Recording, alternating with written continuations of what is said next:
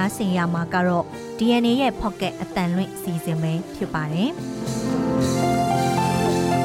ဒေါ်လန်ရေးတိုက်ပွဲကာလဖြစ်တာနဲ့အညီတနေ့တာသတင်းဖြစ်ရက်တွေကို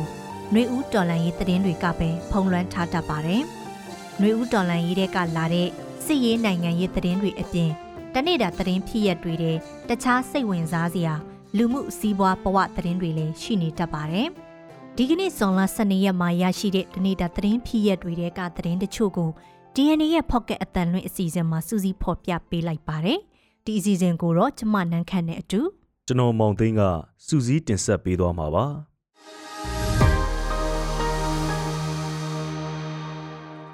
ပထမအဆုံးသတင်းတစ်ပုဒ်အနေနဲ့ PDF တွေကိုတားပေးဖို့စစ်ကောင်စီကဒေါအောင်ဆန်းစုကြည်ကိုပြောဆိုခဲ့တဲ့သတင်းကိုပြောပြပေးပါမယ်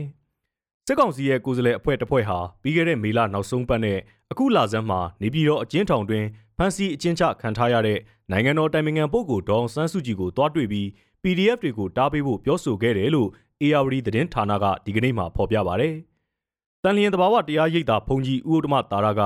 NLD ပါတီနာယကဦးတင်ဦးကိုနေအိမ်မှာတွားတွေ့ကဒေါန်ဆန်းစုကြည်နိုင်ငံရေးကနားတင်တယ်လို့ပြောဆိုခဲ့တာကြောင့်ဝေဖန်မှုတွေစူညံနေစေကာလမှာအခုလိုသတင်းထပ်ပြီးထွက်ပေါ်လာတာပါ။ ARD သတင်းဌာနရဲ့ဖော်ပြချက်အရတော့ဒီဖြစ်ရပ်နှစ်ခုဟာဆက်ဆက်နေတယ်လို့ဆိုပါတယ်။ဒေါန်ဆန်းစုကြည်ကိုတွားတွေ့ခဲ့တဲ့အဖွဲ့ကိုစစ်ကောင်စီရဲ့ငြိမ်းချမ်းရေးကိစ္စတွေကိုဥဆောင်နေတဲ့ဗိုလ်ချုပ်ရာပြည့်ကပဲဥဆောင်ခဲ့တာလို့သတင်းတွေအရသိရပါတယ်။အဲ့ဒီတွေ့ဆုံမှုအတွင်းစစ်ကောင်စီကိုယ်စားလှယ်အဖွဲ့ရဲ့ပြောဆိုမှုတွေအပေါ်အတိုင်ပင်ခံပုဂ္ဂိုလ်ဘက်ကသဘောထားမပေးခဲ့ဘူးလို့လည်းဆိုပါတယ်။အဲ့ဒီလိုတွေးဆမှုအစင်မပြေခဲ့တာကြောင့်တဘာဝတရားရိပ်သာဖုန်ကြီးဦးဥတ္တမတာရကဥတင်ဦးရဲ့နေအိမ်ကိုသွားက ဒေါန်ဆန်းစုကြည်နိုင်ငံရေးကမနာလို့စစ်တပ်ကတင်းမာနေရတာဖြစ်ကြောင်းနဲ့ဒေါန်ဆန်းစုကြည်နိုင်ငံရေးကအနားယူဖို့အကြောင်းတွေပြောခဲ့တာလို့သတင်းမှာဆက်လက်ဖော်ပြထားပါတယ်။အာနာသိန်းစစ်တပ်ကိုလက်နက်ကင်တော်လှန်တဲ့အထိခုခံတော်လှန်မှုအဆင့်ဆင့်ဖြစ်ခဲ့တဲ့ကာလတလျှောက်လုံးမှာဒီလှုပ်ရှားမှုတွေကိုတားဆီးရပ်တန့်ခိုင်းဖို့စစ်အုပ်စုကဒေါန်ဆန်းစုကြည်ကိုတိုက်တွန်းခဲ့တဲ့ဆိုတဲ့သတင်းတွေအကြိမ်ကြိမ်ထွက်ပေါ်ခဲ့မှုပါတယ်။ဒီပေါ်မှာဒေါန်ဆန်းစုကြည်ဘက်ကတုံ့ပြန်မှုကိုတော့ တိတိကျကျမသိရပဲသဘောထားမပေးဘူးဆိုတာမျိုးကိုပဲကြားသိကြရတာပါဆက်လက်ပြီးတော့တရက်ချောင်းမြို့နယ်ကစစ်ရှောင်းလူငယ်တူစစ်တပ်ကပြစ်ခတ်လို့တည်ဆုံးတယ်ဆိုတဲ့အကြောင်းကိုပြောပြပေးပါမယ်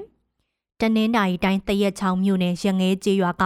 စစ်ရှောင်းလူငယ်တူဟာဆွန်လ17ရက်ကကြားမရေးမကောင်းတဲ့မိခင်ဖြစ်သူအတွက်နေအိမ်မှာစီးပြန်ယူတဲ့အချိန်မှာစစ်ကောင်စီတပ်သားတွေကနေအိမ်အနီးမှာပဲပြစ်ခတ်လိုက်တာကြောင့်တည်ဆုံးခဲ့တယ်လို့ဒေသခံတွေကပြောပါတယ်။ ပြစ်ခတ်ခံရတဲ့သူဟာအသက်23နှစ်အရွယ်ကိုဝေရဟိန်းဖြစ်ပြီးတော့ရုပ်အလောင်းကိုဒေသခံတွေကတကြိုပေးလိုက်ပြီးလို့ကြားရပေမဲ့တိတိကျကျမပြောနိုင်သေးဘူးလို့ရငဲရွာခံတူကပြောပါတယ်။အဲ့ဒီနေ့နေ့လယ်ပိုင်းမှာပဲစစ်ကောင်စီတပ်ဖွဲ့ဝင်တွေဟာရငဲကျေးရွာနဲ့ကနက်တီရီကျေးရွာကအ ਨੇ ဆုံးနေအိမ်၅လုံးကိုမိရှို့ဖျက်ဆီးခဲ့ပြီးတော့နေအိမ်တွေထဲကိုလည်းတန်မိုးရှိပစ္စည်းတွေကိုဝင်ရောက်မွေနှောက်ရှာဖွေခဲ့တယ်လို့ဒေသခံတွေကပြောပါတယ်။ ဒီကနေ့ဇွန်လ12ရက်မနက်9:00နာရီလောက်မှာတော့ရငဲရွာထဲကနေအိမ်တလုံးထပ်မံမိရှုခံရပြီးစက်ကောင်စီစစ်တပ်ကပစ်လိုက်တဲ့လက်နက်ကြီးပောက်ကွဲလို့ရငဲရွာထဲပုံခုနေတဲ့ဒေါ်ကြီးဝင်းဆိုသူအမျိုးသမီးတဦးခြေထောက်ပြတ်သွားတယ်လို့လည်းကူညီပေးနေသူတွေထံကသိရပါတယ်။ရငဲရွာထဲဝင်ရောက်တက်ဆွဲခဲ့တဲ့စက်ကောင်စီတပ်ဖွဲ့ဟာအင်အားတရာကျော်လောက်ပါဝင်ပြီးလက်နက်ကြီးပစ်ခတ်တာတွေပါလုပ်နေတယ်လို့သိရပါတယ်။စစ်ကောင်စီတပ်သားတွေဟာပြီးခဲ့တဲ့ဇွန်လ10ရက်ညနေပိုင်းကလေးက ကနက်တီတီရွာထဲရောက်လာပြီးတော့ရွာသား30ကျော်ကိုဖမ်းဆီးတာနေအိမ်မီးရှို့တာတွေစလုပ်ခဲ့တာဖြစ်တယ်လို့ဒေသခံတွေကပြောဆိုထားပါတယ်။အဲ့ဒီစစ်ကောင်စီတပ်ဖွဲ့ဝင်တွေဟာကနက်တီတီရွာကိုမရောက်ခင်ဇွန်လ10ရက်မနက်ပိုင်းကကနက်တီရီရွာနဲ့လေးမိုင်ကျော်လောက်ဝေးတဲ့ရငဲကျေးရွာအနီးပြည်သူ့ကာကွယ်ရေးတပ်တွေတိုက်ခိုက်တာခံခဲ့ရပြီးတော့ထိခိုက်သေးဆုံးမှုတွေလည်းရှိခဲ့တယ်လို့သိရပါတယ်။နောက်ထပ်သတင်းတစ်ပုဒ်အနေနဲ့ ဂီနီပြည်နယ်ဂျာကာလာအုပ်ချုပ်ရေးကောင်စီဖွဲ့စည်းလိုက်တဲ့သတင်းကိုပြောပြပေးပါမယ်။ဂီနီကီယာပြည်နယ်မှာဂျာကာလာပြည်နယ်အစိုးရတရရဲ့အုပ်ချုပ်ရေးကိုဖော်ဆောင်ဖို့ဂီနီပြည်နယ်ဂျာကာလာအုပ်ချုပ်ရေးကောင်စီကိုဇွန်လ6ရက်မှာစတင်ဖွဲ့စည်းလိုက်တယ်လို့ဒီကနေ့ဇွန်လ12ရက်မှာထုတ်ပြန်ကြေညာလိုက်ပါတယ်။ဒါဟာ Federal Democracy ပြည်ထောင်စုပုံဖော်ရေးခီးမှာအခြေခံခြေလှမ်းတစ်ခုဖြစ်တယ်လို့ KNY ပြည်ဂျာကာလာအုပ်ချုပ်ရေးကောင်စီဥက္ကဋ္ဌဖြစ်လာတဲ့ခုဦးရယ်ကပြောပါတယ်။ ခုဦးရယ်ဟာဆက်အာနာသိမ်းပြီးနောက်ပိုင်း2022ခုနှစ်မှာ KNY အမျိုးသားတိုးတက်ရေးပါတီ KNPP ဥက္ကဋ္ဌအဖြစ်စတင်တာဝန်ယူခဲ့သူလည်းဖြစ်ပါတယ်။ KNPP ရဲ့လက်နက်ကင်တပ်ဖြစ်တဲ့ KNY တပ်မတော် KA ဟာလက်ရှိစစ်ကောင်စီနဲ့ KNY တော်လှန်ရေးအင်အားစုတွေရဲ့တိုက်ပွဲတွေမှာပါဝင်တိုက်ခိုက်နေပါတယ်။ ကောင်စီဝင်6ဦးပါဝင်တဲ့ဂျာကာလာအုပ်ချုပ်ရေးကောင်စီကို2021ခုနှစ်ဧပြီလကဖွဲ့စည်းခဲ့တဲ့ KNY ပြည်နယ်အတိုင်းအငံကောင်စီရဲ့နိုင်ငံရေးဥဆောင်မှုနဲ့မူဝါဒလမ်းညွှန်ချက်အတိုင်းဖွဲ့စည်းခဲ့တာလို့သိရပါတယ်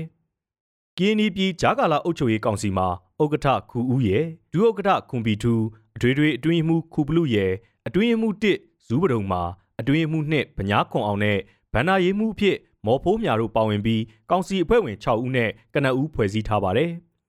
KNY ပြည်ဂျာကာလာအုပ်ချုပ်ရေးကောင်စီ IEC ကစုပေါင်းခေါင်းဆောင်မှုနဲ့ဂျာကာလာပြည်နယ်အစိုးရတရက်ရဲ့အုပ်ချုပ်ရေးကိုဖော်ဆောင်သွားမှာဖြစ်တယ်လို့ဥပဒေပြုရေးအုပ်ချုပ်ရေးတရားစီရင်ရေးကဏ္ဍတွေအပြန်အလှန်ထိန်းညှိပြီးပြည်နယ်ရဲ့တည်ငြိမ်အေးချမ်းရေးကိုကြိုးပမ်းဖော်ဆောင်သွားမယ်လို့သိရပါတယ်။ဒါအပြင်ပြည်နယ်အတွင်းကအင်အားစုအသီးသီးနဲ့လက်တွေ့ကျစွာပူးပေါင်းဆောင်ရွက်သွားမှာဖြစ်ပြီးလူမှုဝန်ဆောင်မှုလုပ်ငန်းတွေချိတ်ဆက်ဖော်ဆောင်ခြင်းနဲ့လက်ရှိဆောင်ရွက်နေတဲ့ဝန်ဆောင်မှုတွေဖြစ်တဲ့ရဲဌာန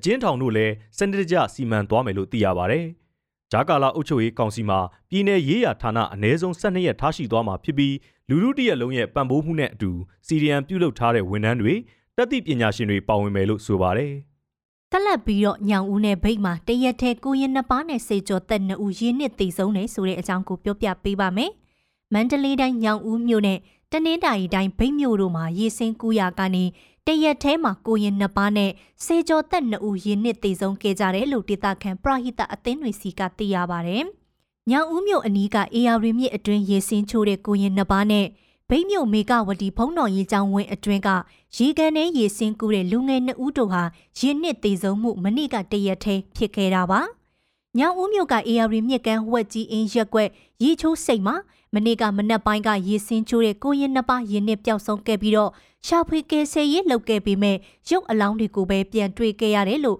အဲ့ဒီဖြစ်စဉ်ကိုကူညီပေးခဲ့တဲ့ကူညီကယ်ဆယ်ရေးအဖွဲ့ဝင်တဦးက DNA ကိုပြောပါတယ်။တီဆုံးသွားတဲ့ကိုရင်နှစ်ပါးဟာ AR မြစ်ထဲမှာရေစင်းချိုးနေကြဖြစ်တယ်လို့ရေကူးလဲကျွမ်းကျင်တယ်လို့သိရပေမဲ့လက်တလုံးမှာတော့မိုးများထားလို့မြစ်အတွင်းရေများနေတယ်လို့ ရေစင်းချိုးသူတွေလည်းနဲတဲ့ကာလဖြစ်တာကြောင့်ချက်ချင်းမကယ်ဆယ်နိုင်ခဲ့ဘူးလို့မြို့ခံကယ်ဆယ်ရေးအဖွဲ့ဝင်တဦးက DNA ကိုပြောပါတယ်။တီးဆုံးသွားတဲ့ကိုရင်တွေဟာညောင်ဦးမြို့ဝက်ကြီးအင်းဖုံးတော်ကြီးကျောင်းကအသက်10နှစ်ဝန်းကျင်အရွယ်ရှိကြတဲ့ကိုရင်နှစ်ပါးဖြစ်တယ်လို့သိရပါတယ်။အလားတူပဲတနင်္သာရီတိုင်းဗိတ်မြို့မှာလည်းဖုံးတော်ကြီးကျောင်းဝင်းအတွင်းကရေကန်နဲ့ရေစင်းကူးတဲ့လူငယ်နှစ်ဦးမနေ့ကညနေပိုင်းမှာရေနစ်သေးဆုံးခဲ့တယ်လို့အဲ့ဒီမြို့အခြေဆိုင်ရတပ်ပံနိုင်ရေးကူညီမှုအသင်းစီကသိရပါတယ်။ ဗိတ်မြို့နယ်စင်တဝတ်ကျေးရွာအုပ်စုကွန်ဒီချောင်းကျေးရွာကမေကဝတီဖုံးတော်ကြီးကျောင်းပရဝင်းအတွင်းမှာရှိတဲ့ရေကန်ထဲကိုရေစင်းကူးတဲ့အသက်14နှစ်ဝန်းကျင်စိတ်ကြောသက်2ဦးရေနစ်သေးဆုံးခဲ့ကြပြီးတော့ရုပ်အလောင်းတွေသာပြန်တွေ့ခဲ့တယ်လို့သိရပါတယ်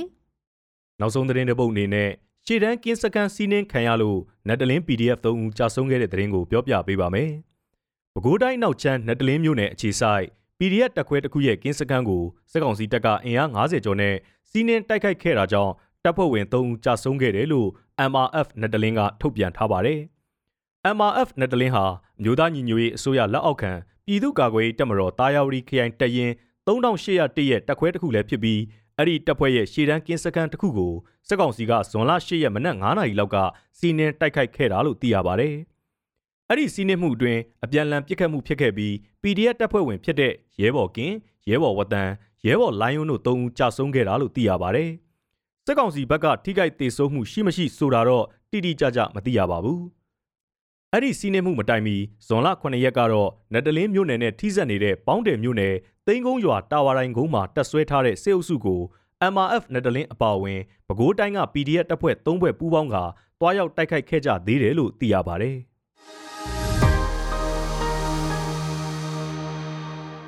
အခုနိုင်ငံတကာသတင်းအစီအစဉ်ကိုနန်းခမ်းကဆက်လက်တင်ဆက်ပေးပါမယ်။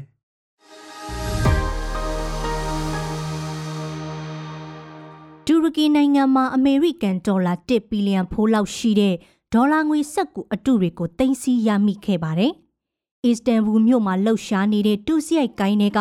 6ဦးကိုလည်းဖမ်းဆီးရမိခဲ့ကြောင်းတူရကီရဲတပ်ဖွဲ့ကဆိုပါတယ်။အဲ့ဒီထဲမှာနိုင်ငံခြားသားတွေအဖြစ် ဂါနာက2ဦးနဲ့ဆွီဒင်က3ဦးပါဝင်ပါတယ်။အစ္စတန်ဘူမြို့ကကာဂျီတန်နီရက်ကွက်မှာရှိတဲ့မတင်ကာစီယာကုံလောင်ယုံတစ်ခုကိုအထုတပ်ဖွဲ့တွေကပိတ်ဆို့စင်းနှင်းရှာဖွေခဲ့တဲ့နောက်မှာဒေါ်လာငွေအတု1ဘီလီယံဖိုးလောက်ကိုတစ်တာတွေဘုံတွေနဲ့ထည့်ထားတာတွေ့ရှိခဲ့ပါတယ်။အဲ့ဒီငွေဆက်ကူအတုတွေကိုအာဖရိကနိုင်ငံတွေရဲ့စီးကွက်ထဲဖြန့်ဖို့ရည်ရွယ်ထားတာလို့ဆိုပါတယ်။ရဲတွေကတန်တရတရခန်တွေရဲ့နေအိမ်တွေကိုပါ ဝင်ရောက်ရှာဖွေခဲ့ပြီးတော့ငွေဆက်ကူအစ်စ်တွေလက်ဝတ်ရတနာတွေကိုပါတင်စီခဲ့ပါတယ်။နောက်ပြီးတူရကီမှာရှိတဲ့ဂါနာနဲ့ဆွီဒင်ကောင်စစ်ဝင်ရုံးတွေစီကိုလည်းအသိပေးအကြောင်းကြားခဲ့တယ်လို့ဆိုပါတယ်။တူရကီသမိုင်းမှာတော့ပြီးခဲ့တဲ့သတင်းပတ်ကုံကဖြစ်စဉ်ဟာငွေဆက်ကူအတုတွေပမာဏအများဆုံးသိမ်းဆည်းရမိမှုအနေနဲ့ပါမှတ်တမ်းဝင်ခဲ့ကြောင်းလည်းသိရပါတယ်။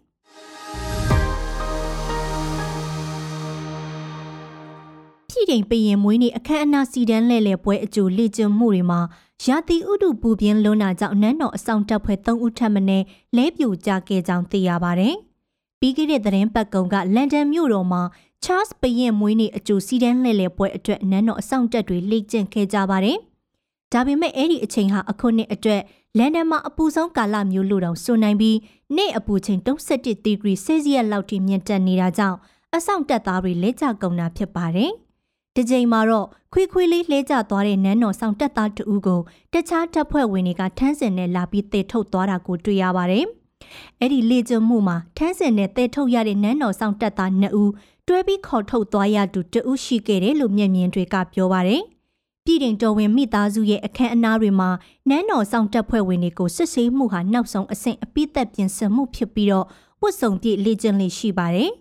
Charles ဘရင်ကိုနိုဝင်ဘာလမှာမွေးဖွားခဲ့ပြီးမြဲထီနန်းဒလေးတွေသတ်မှတ်ချက်အရမွေးနေ့ပွဲအခမ်းအနားကိုဇွန်လ18ရက်မှာကျင်းပဖို့ယာထားပါတယ်။ Charles ဘရင်ရဲ့သားတော်ဖြစ်တဲ့မင်းသားဝီလီယံကကျူတင်လင့်ကျင့်ပြင်ဆင်မှုအခမ်းအနားမှာအခက်အခဲတွေကြုံခဲ့တာကိုအတည်ပြုခဲ့ပြီးခက်ခဲကြမ်းတမ်းတဲ့ရာသီဥတုအခြေအနေမှာတောင်အပင်ပန်းခံပါဝင်ပေးခဲ့သူတွေကိုကျေးဇူးတင်ကြောင်းတွစ်တာမှာရေးသားထားခဲ့ပါတယ်။တစ်ဖက်မှာလည်းနန်းတော်ဆောင်တပ်ဖွဲ့ဝင်တွေရဲ့ကျမ်းမာရေးနဲ့အသက်အန္တရာယ်ကိုတော့မငဲ့ကွက်ပဲ ထီသုံးနန်းသုံးအခမ်းအနားအတွက်ပြင်ဆင်လေ့ကျင့်တာမျိုးတွေဟာမျက်မှောက်ခေတ်ကာလမျိုးမှာမဖြစ်သင့်တော့ကြောင်းဝေဖန်မှုတွေလည်းထွက်ပေါ်နေပါတယ်။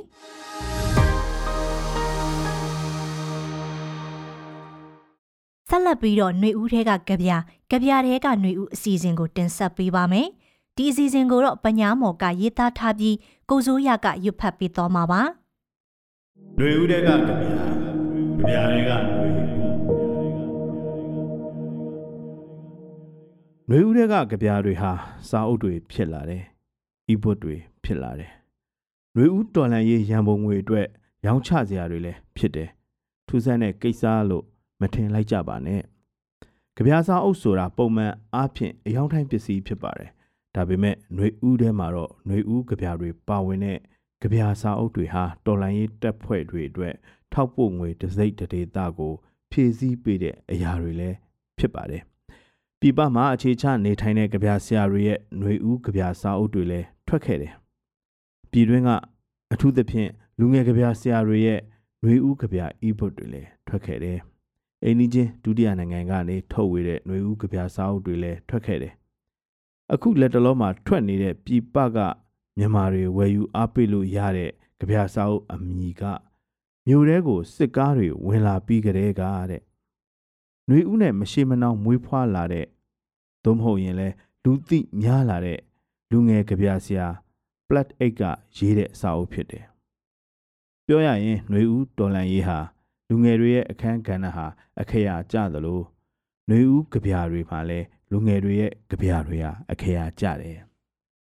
တကယ်တမ်းຫນွေဦးတော်လိုင်းရေးကြပြတွေကိုထက်ထက်တန်တန်ရေးနေသူတွေဟာတော်လိုင်းရေးတဲ့တနည်းမဟုတ်တနည်းပါဝင်နေတဲ့ လူငယ်တွေပဲဖြစ်တယ်ပြပကနေလွတ်လွတ်လပ်လပ်ရေးနေသူတွေတဲက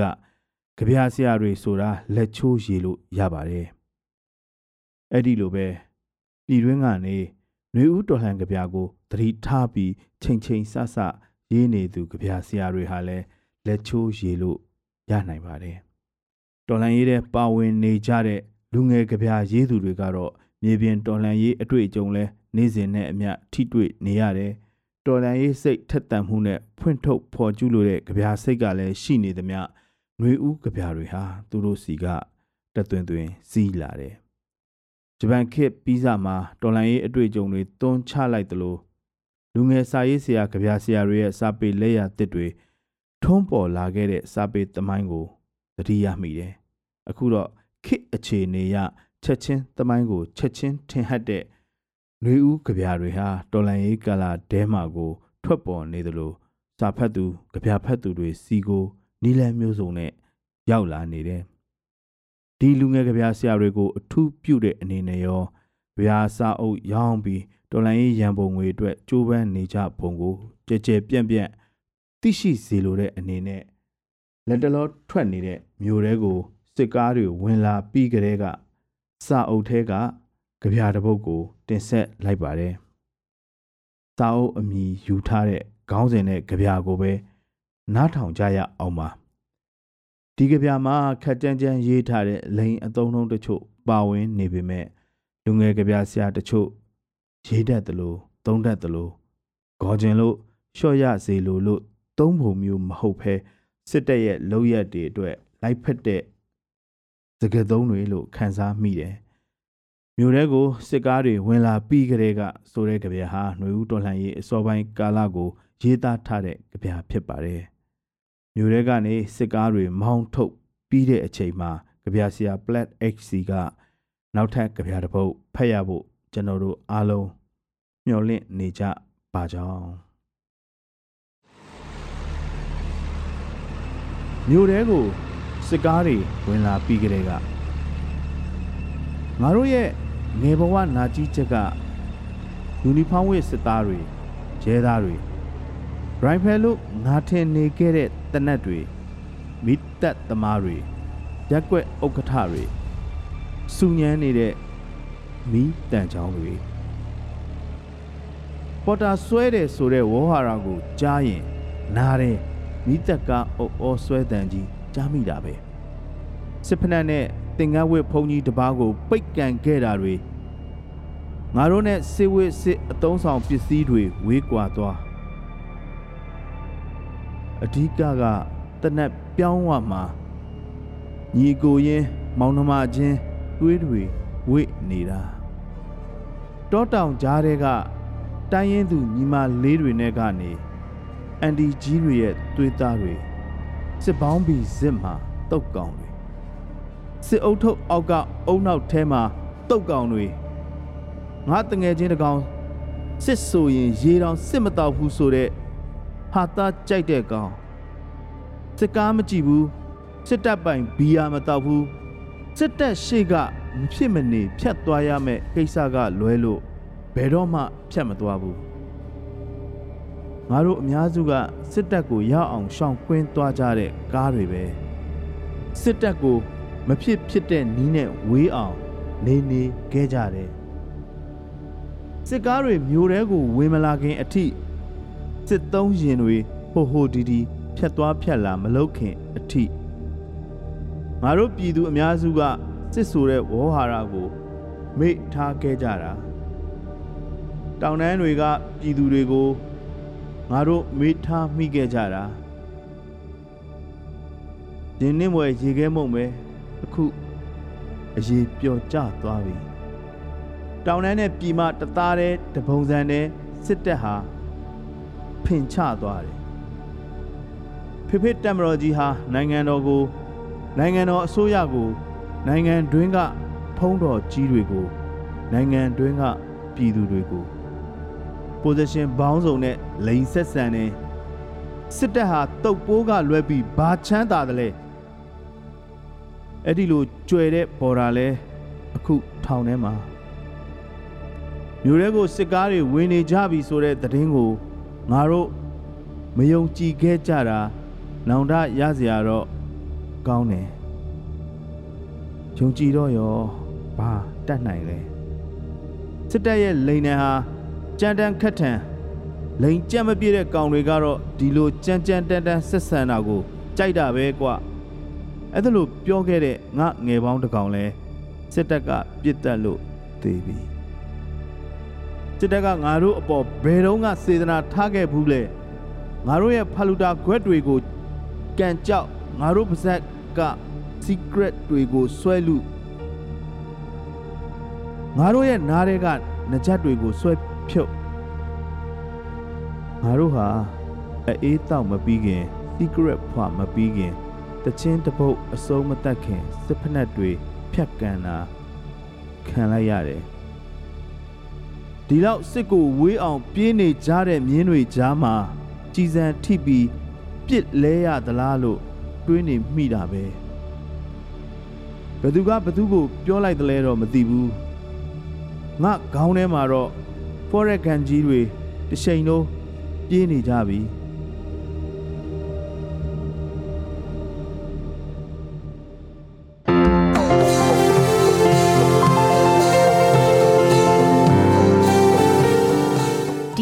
Pocket အတန်ရင်းအစီအစဉ်ကိုအပတ်စဉ်တနင်္လာနေ့ကနေတောက်ကြနေ့အထိည9:00နာရီတိုင်းမှာတင်ဆက်ပေးသွားမှာပဲဖြစ်ပါတယ်။ဒီအစီအစဉ်ကိုတော့ DNA ရဲ့ Facebook Page ကနေအပြင် Anchor, Spotify နဲ့ Google Pocket တို့တွေကနေတဆင့်လဲနားဆင်နိုင်ပါတယ်ရှင်